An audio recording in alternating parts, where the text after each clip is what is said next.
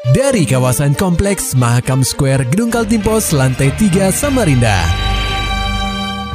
96,8 KPFM Kita akan ikuti program KP Flash News.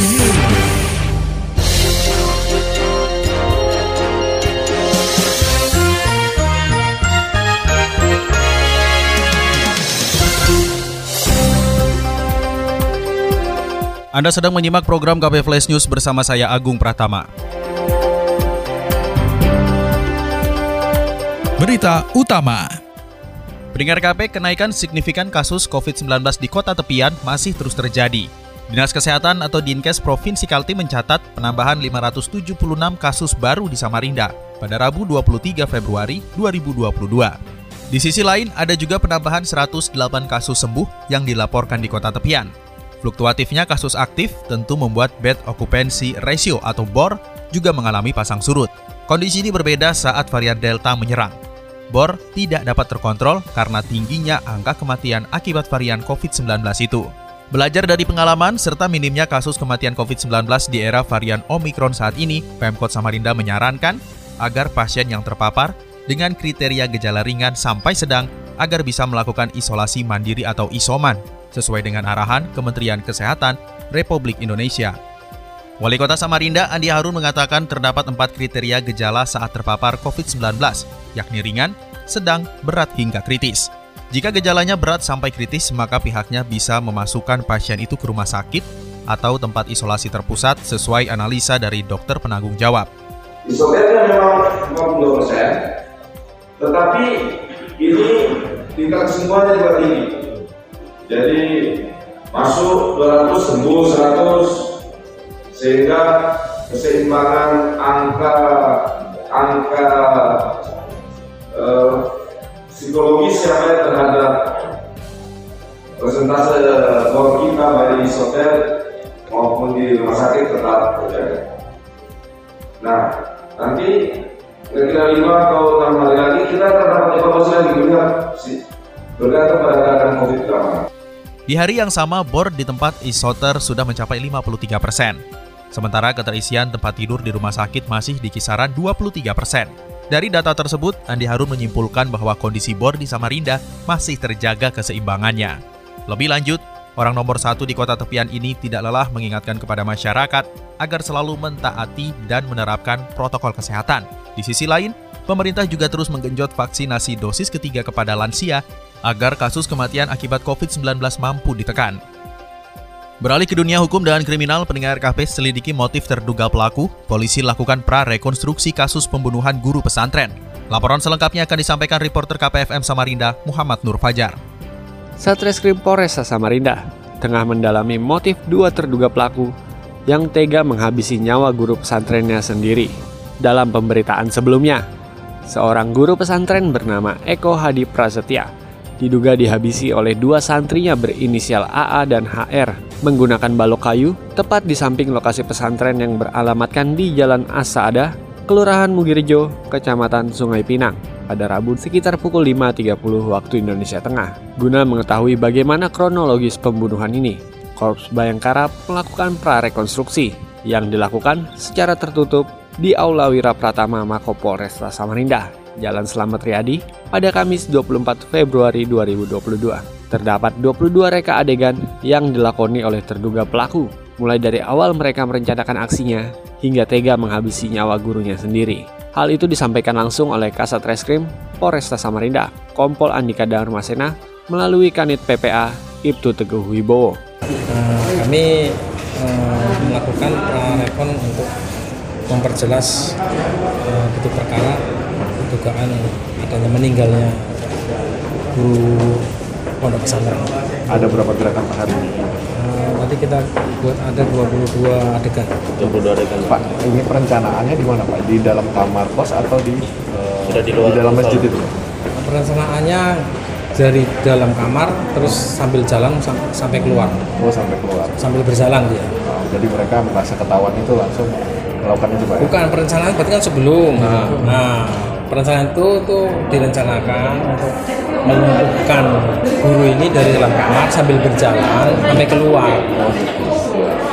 Gara-gara HP Pak ya? Gara-gara HP. Oke, siap.